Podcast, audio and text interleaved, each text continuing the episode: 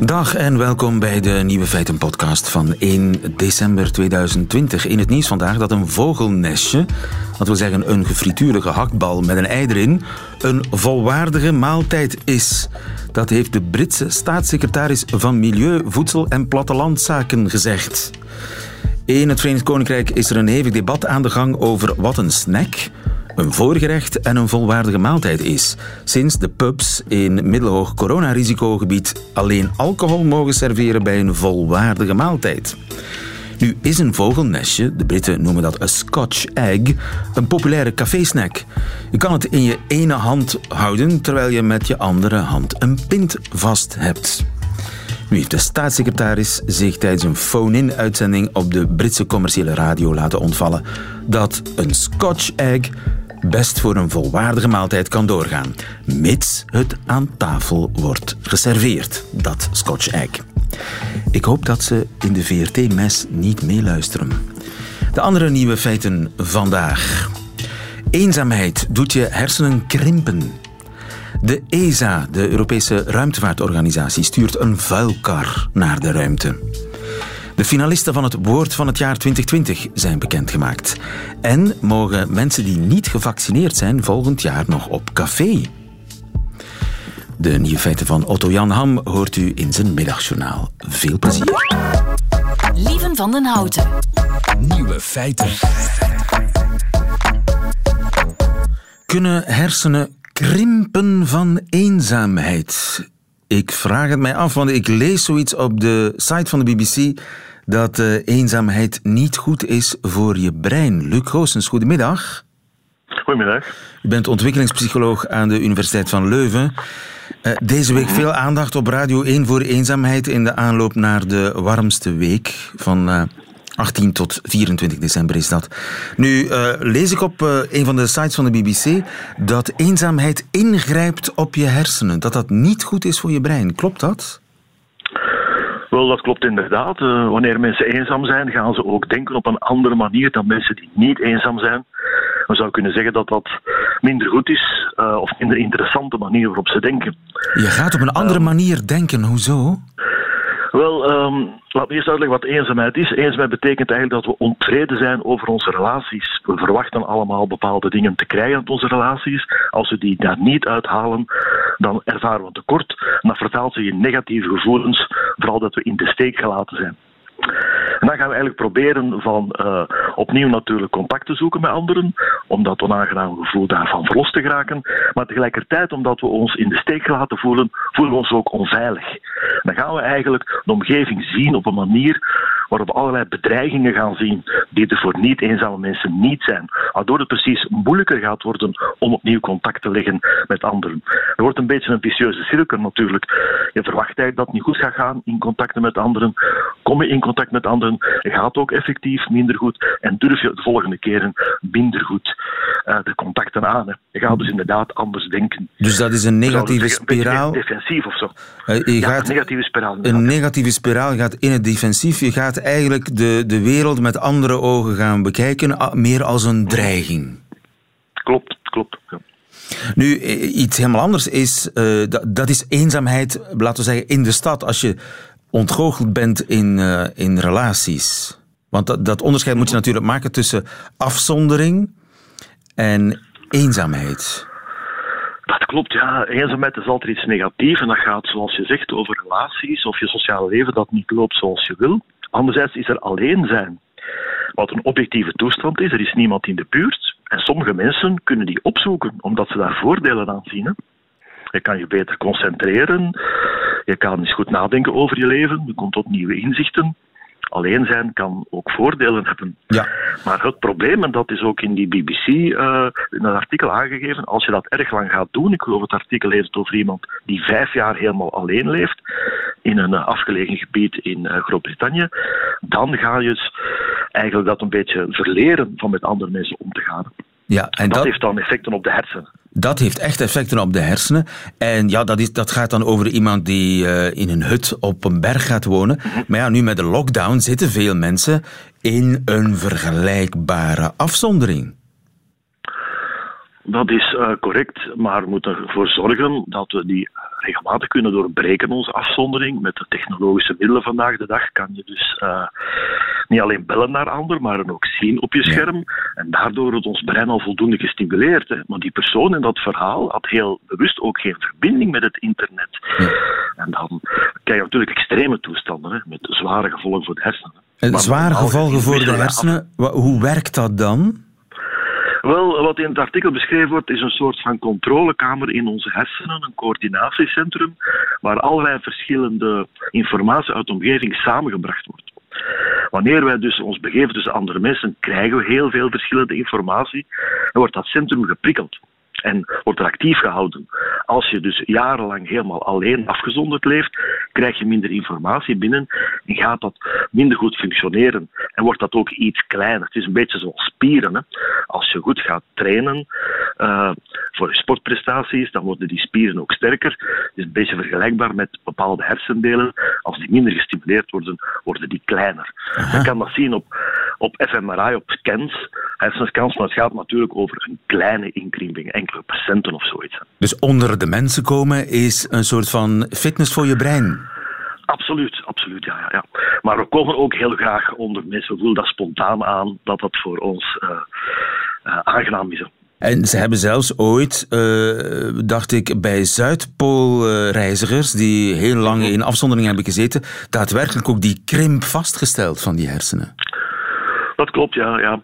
Maar uh, je kunt ervan uitgaan dat wanneer die mensen terug in de bewoonde wereld komen, ze opnieuw gestimuleerd worden, dat het er weer in orde komt. Hè. En dat de krimp wordt hersteld eigenlijk. Ja, net zoals bij mensen die aan spiertraining doen als ze een paar maanden stil liggen.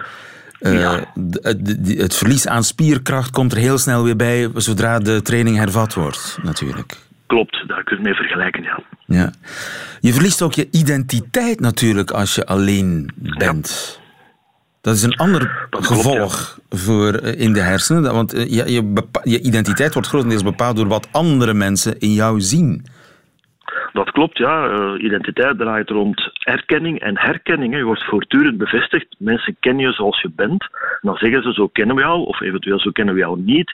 En zo word je voortdurend eraan herinnert wie je bent en eventueel bijgestuurd. Ja, inderdaad, sociale contacten zijn heel belangrijk voor het gevoel van wie wij zijn. En dat kan helemaal wegvallen als je vijf jaar lang in een hutje gaat zitten op de hei ergens in, uh, in Wales, was het geloof ik. Ja, nu zitten we niet met z'n allen in een hutje op de hei in Wales, maar we gaan de jarenwisseling tegemoet, kerst gaan we tegemoet. Uh, dat, is een, dat zijn feesten waar traditioneel je onder vrienden bent. Het is de bedoeling dat je dit, dat nu niet doet als psycholoog, ik zou mijn hart vasthouden. Dat klopt, ja. Ik denk dat alle psychologen hun hart vasthouden. Dat er ook heel wat uh, gelobbyd is en druk uitgeoefend om toch iets te doen. Bijvoorbeeld voor alleenstaanden, dat die een extra contact mogen hebben. Dat is zeker uh, op advies van psychologen gebeurd. Ik denk dat we alle mogelijkheden die er zijn uh, moeten aangrijpen om toch zoveel mogelijk contact te hebben binnen de beperkingen die, die de regering nu opgelegd heeft. Ja. Het zal er natuurlijk anders uitzien, onze kerst, maar probeer zoveel mogelijk toch uh, mensen te zien en contact te houden. Hè. Ja, al was het maar via de computer. Al was het maar via computer. Hè. Liefst met dat je mensen ziet, hè. dat is veel stimulerender dan ze alleen maar te horen. Want uh, niemand zien, dat is slecht voor je brein. Luc Goossens, dankjewel. Ja, slecht voor je brein, ja. Goedemiddag. Nieuwe feiten. Er vertrekt binnenkort een vuilkar naar de ruimte. Stijn Ilsen, goedemiddag. Ja, en een dure vuilkar ook. Een dure, hoeveel kost ze? Uh, ik heb uh, getallen gelezen tussen de 80 en de 100 miljoen, dus dat is al redelijk wat, hè? Ja, maar ja, een vuilkar in de ruimte schieten, dat is op zich natuurlijk een uh, huzarenstukje technisch. Jij uh, als uh, satellietingenieur kunt dat beter weten dan wie dan ook. Is het de eerste ja. keer dat er zo'n vuilkar naar de ruimte gaat? Het is in, in, in, volgens mijn informatie inderdaad de eerste keer. Er zijn wel al testen gebeurd. Uh, onder andere een, een Britse satelliet is een aantal jaren geleden al een keer in de ruimte geweest. Maar die heeft dan eigenlijk zelf eerst afval gecreëerd om het dan zelf te pakken met een soort van net, uh, was dat toen. In dit geval is het inderdaad een echt stuk afval van een, uh, een stukje raket van, uh, van 2013, die daar al een beetje rondhangt, die ze gaan vastpakken met, uh, met robotarmen, om dan inderdaad één stukje ruimteafval op te ruimen uit de ruimte. Dat is een stuk van een raket dat daar per ongeluk is achtergebleven. Ja, dat is eigenlijk wel een leuk verhaal. Het is eigenlijk de raket waarmee dat de laatste Belgische satelliet is gelanceerd. Dat was de, de Vega-raket, de tweede Vega-raket 2013. En het aller allerbovenste stukje van de raket wordt eigenlijk mee in een baan rond de aarde geschoten. Ik was zelf ook op die uh, lancering aanwezig. Het was uh, bijzonder, uh, bijzonder leuk toen. en dat ding hangt er dus blijkbaar nog altijd zijn, zijn rondjes te draaien. Onze satelliet is ondertussen volledig onafhankelijk van die raket. Maar ja, dat stuk raket hangt daar nog. En ja, statistisch gezien is dat gewoon een grote kans dat dat binnenkort ergens tegen gaat botsen. Dus is het maar logisch dat we die dingen beginnen op te ruimen. De ruimte is toch oneindig? Oeh, je zegt een statistisch grote kans dat hij ergens gaat op botsen is toch plaats genoeg? Ja, ja, er is een beetje een. een, dat, dat, dacht men eigenlijk tot, uh, tot een aantal jaren geleden. Dat inderdaad, men schiet maar af en men laat me alles maar hangen. Maar ondertussen zijn er meer dan 6.000 à 7.000 satellieten in de ruimte en minder dan een derde werkt nog. Dus een, een, veel, een groot duizendtal van of 3.000, 4.000 satellieten in de ruimte werken niet meer. En als je 3.000, 4.000 auto's zou willekeurig laten rondrijden op de aarde, dan krijg je inderdaad heel weinig botsingen. Maar als je die maar lang genoeg laat rondrijden, dan krijg je wel degelijk botsingen. En het probleem is vooral als je een botsing krijgt tussen twee van die satellieten, die botsen tegen elkaar met een relatieve snelheid van ongeveer 28.000 km per uur. Ja. Dus ja, twee auto's die botsen met 28.000 km per uur, dan heb je niet twee auto's meer, dan heb je eigenlijk een wolk van allemaal kleine stukjes auto, in dit geval kleine stukjes satelliet, die dan ook weer gaan blijven rondvliegen en die gaan ook weer botsingen creëren. Dus je krijgt een soort van sneeuwbaleffect, dat heet het Kessler-effect. Uh, en dan krijg je altijd maar meer en meer botsingen. Dus het is wel belangrijk dat we proberen zoveel mogelijk afval weg te krijgen voordat dat eigenlijk een on onhoudbare situatie wordt. Ja, want die satellieten die zitten natuurlijk allemaal niet in dezelfde baan om de aarde, maar toch in dezelfde zone zone? Ja, je hebt een aantal banen die relatief belangrijk zijn voor, uh, voor aardobservatie bijvoorbeeld. Uh, daar, gaan, daar gaan een aantal satellieten naartoe. Je hebt andere banen die meer voor, voor spionage, voor, voor, voor uh, navigatie. Elke elke doel van de satelliet heeft wel zijn specifieke baan, maar bepaalde banen zijn dus inderdaad meer vervuild dan andere banen. En dat betekent dat tegenwoordig, ja, je moet een satelliet tegenwoordig voorzien op mogelijke ontwijkmanoeuvres. Je moet altijd uh, een aantal brandstof voorzien om daarvoor inderdaad tijdens de loop van de missie van jouw satelliet uitwijkmanoeuvres te kunnen doen. En daardoor ja, wordt de wetenschap ook in, in, in gevaar gebracht. Uh, en dat is toch wel belangrijk, want vanuit de ruimte bekijken we de aarde vanuit een uniek perspectief en leren we heel veel over klimaatopwarming, ozongat, dat soort zaken. Ja. Nu, dat zijn eh, afgedankte satellieten eh, die een groot deel van de ja, afvalberg in de ruimte vormen. Je hebt stukken raket die onbruikbaar waren, eenmaal de, de satelliet afgeschoten. Maar je hebt toch ook zo ruimtestations waar uh, astronauten langere tijd verblijven. Mensen maken afval. Waar blijven astronauten met hun afval?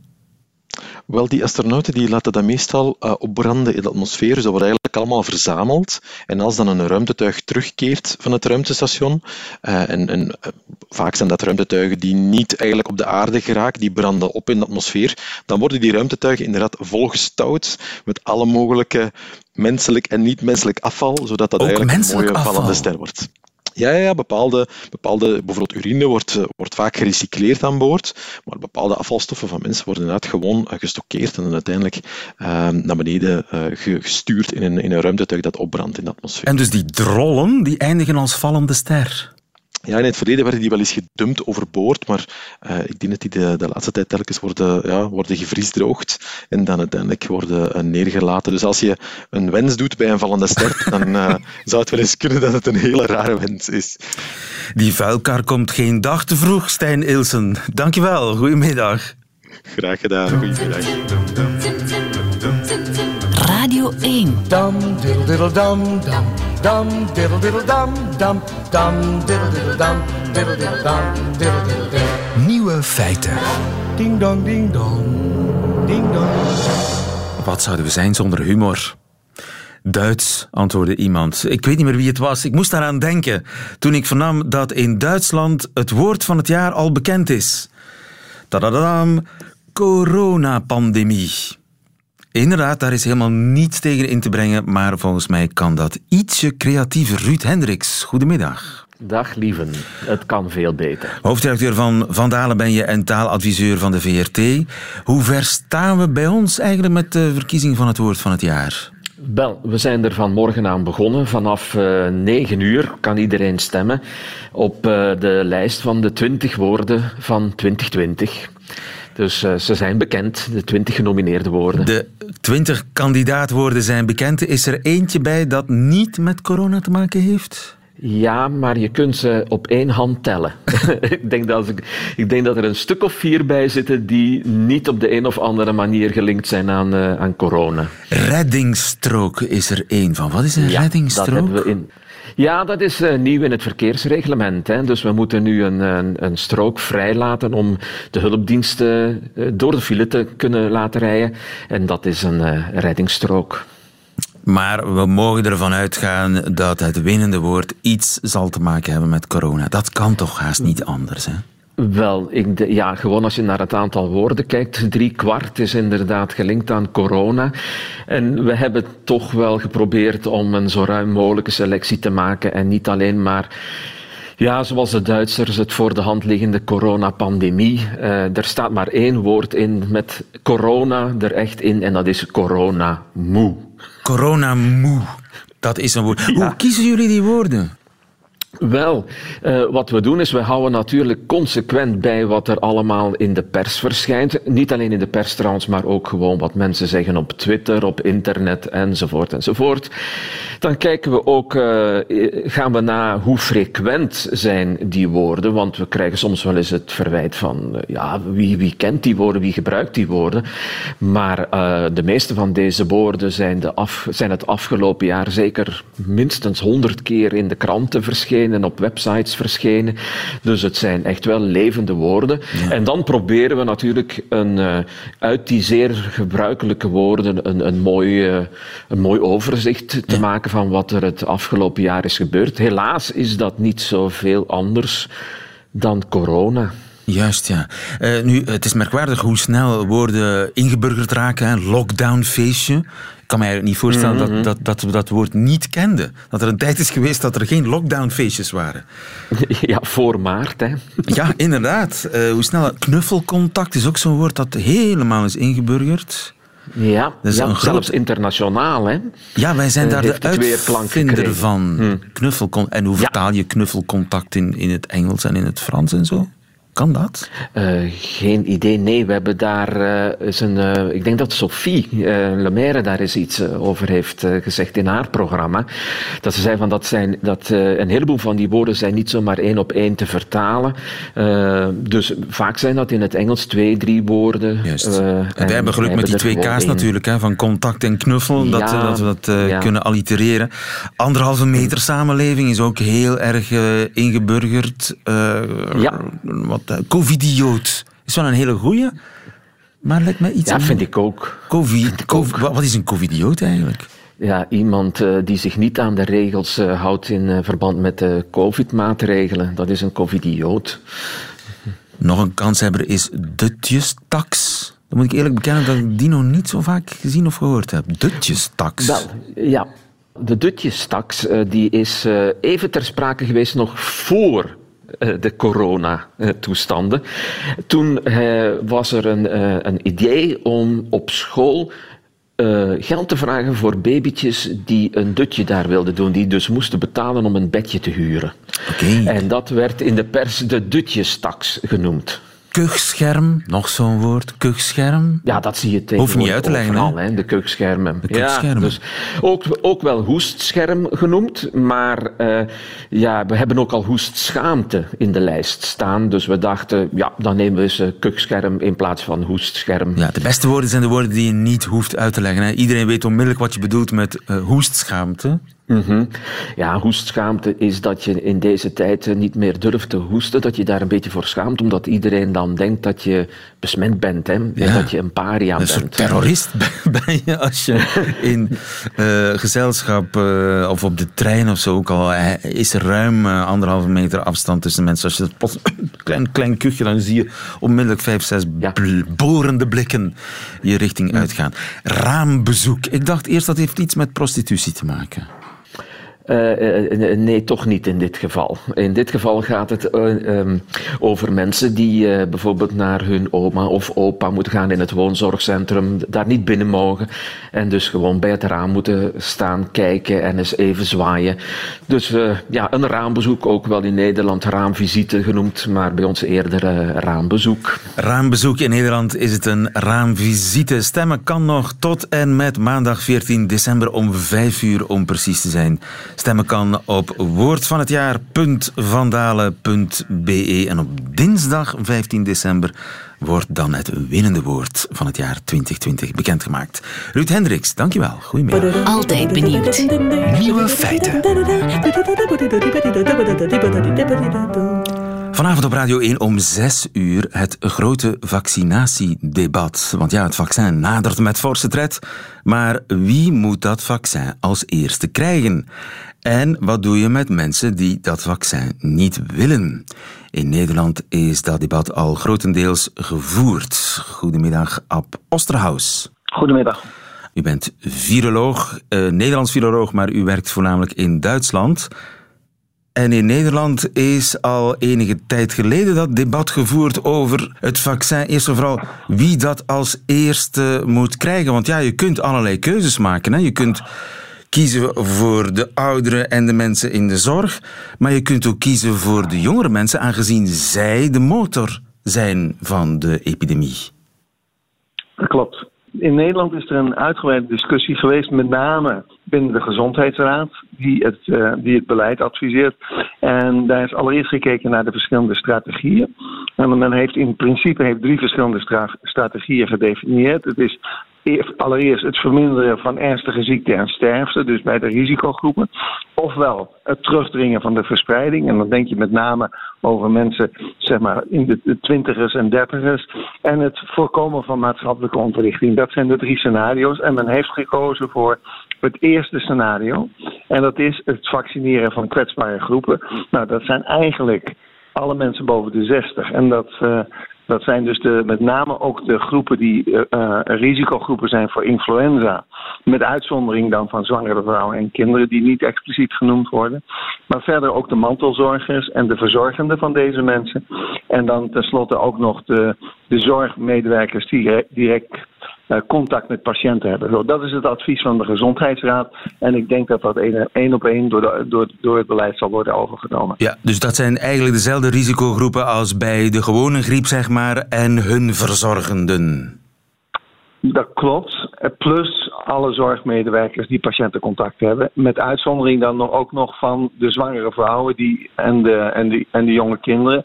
Die wel genoemd zijn bij, bij risicogroepen voor influenza. Maar die nu, nu niet expliciet meegenomen worden. Juist. En waarom is voor precies die strategie gekozen en niet voor het vaccineren van de jongere bevolking? Om zo de verspreiding verder tegen te gaan? Ja. Nou, uiteindelijk is het natuurlijk de bedoeling om iedereen te vaccineren, of voor zover mogelijk iedereen te vaccineren. Uh, een complicatie bij die jongere mensen om zich te laten vaccineren is toch dat de acceptatiegraad daar veel minder is.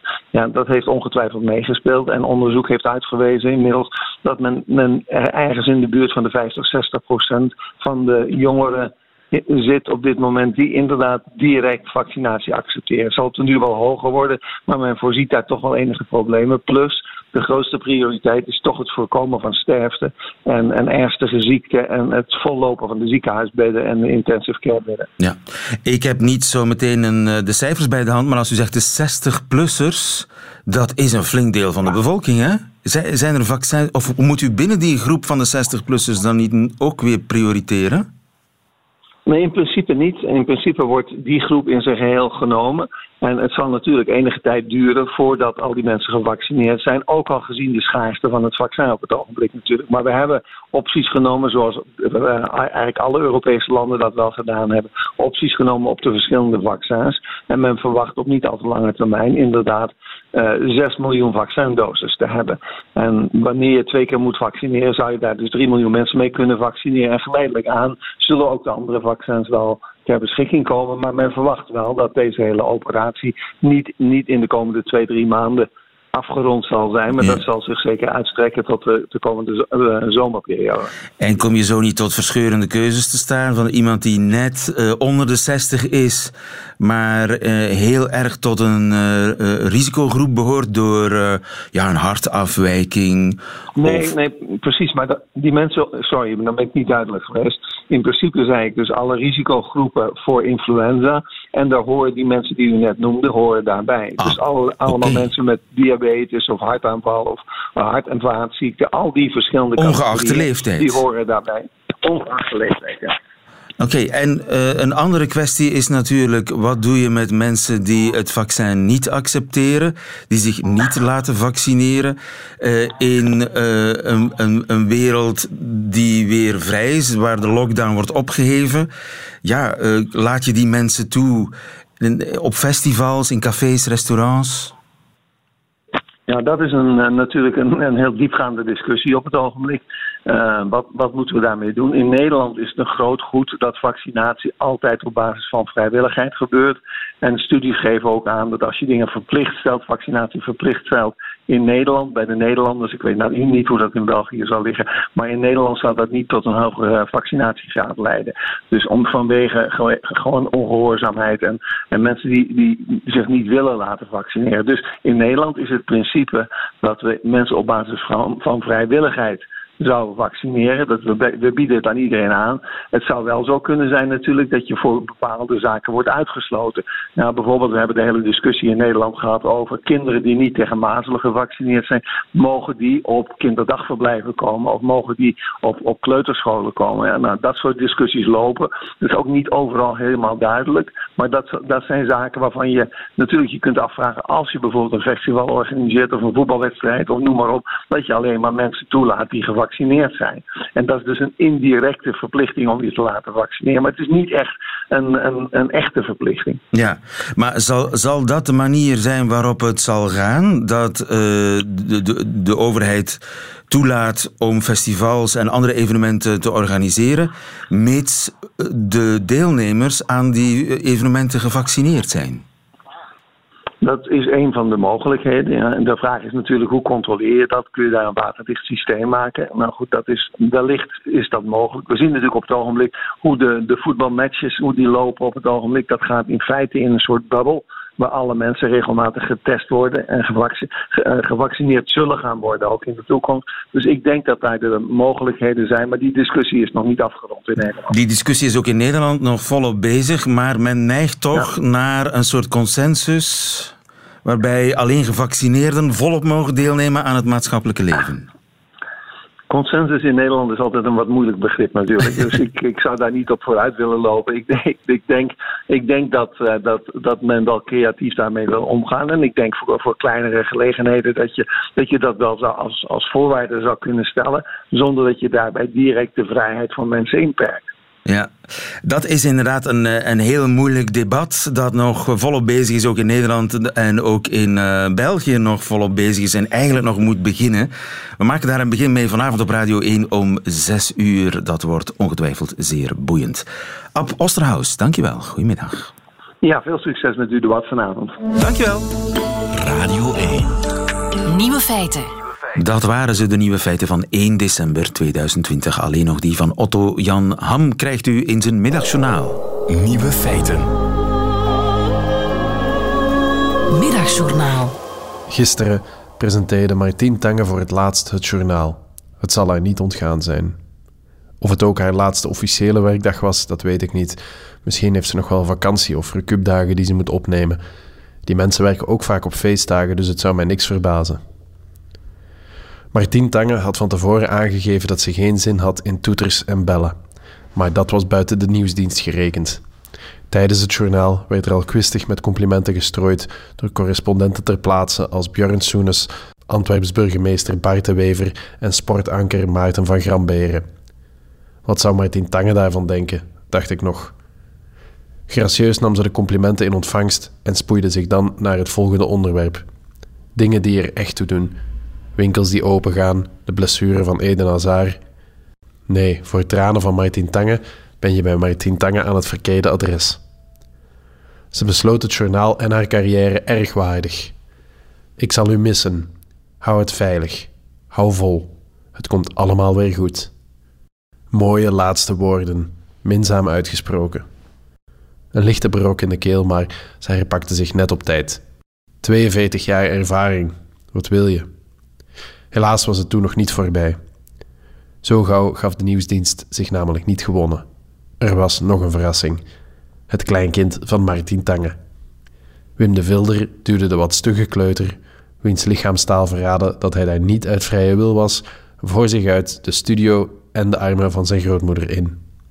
En godzijdank, daar brak toch Martin Tange.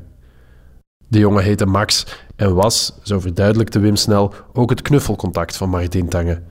Een slimme zet, want op boze brieven zit niemand te wachten.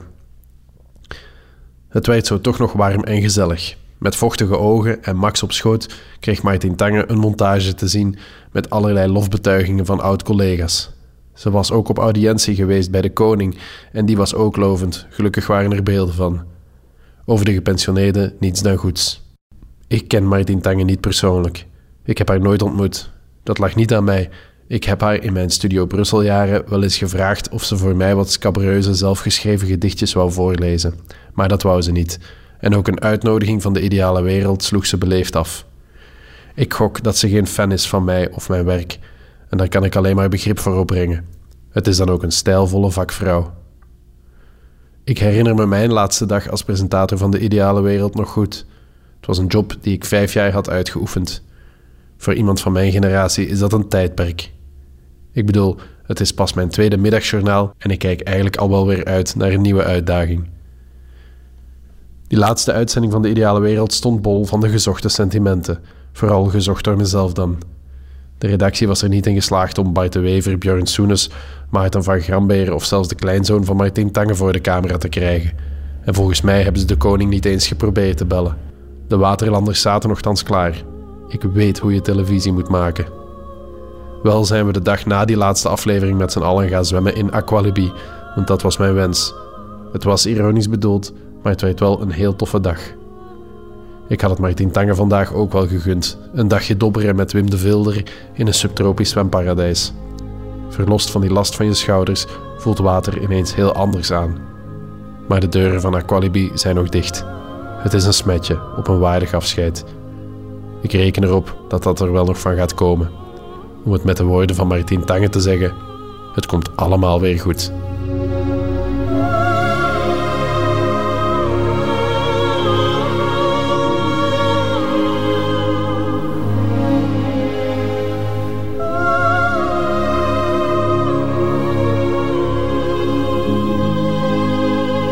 Middagjournaal met Otto Jan Am. Einde van deze podcast. Hoort u liever de volledige uitzending van Nieuwe Feiten? Dat kan natuurlijk ook via de Radio 1 app of via radio1.be. Tot een volgende keer.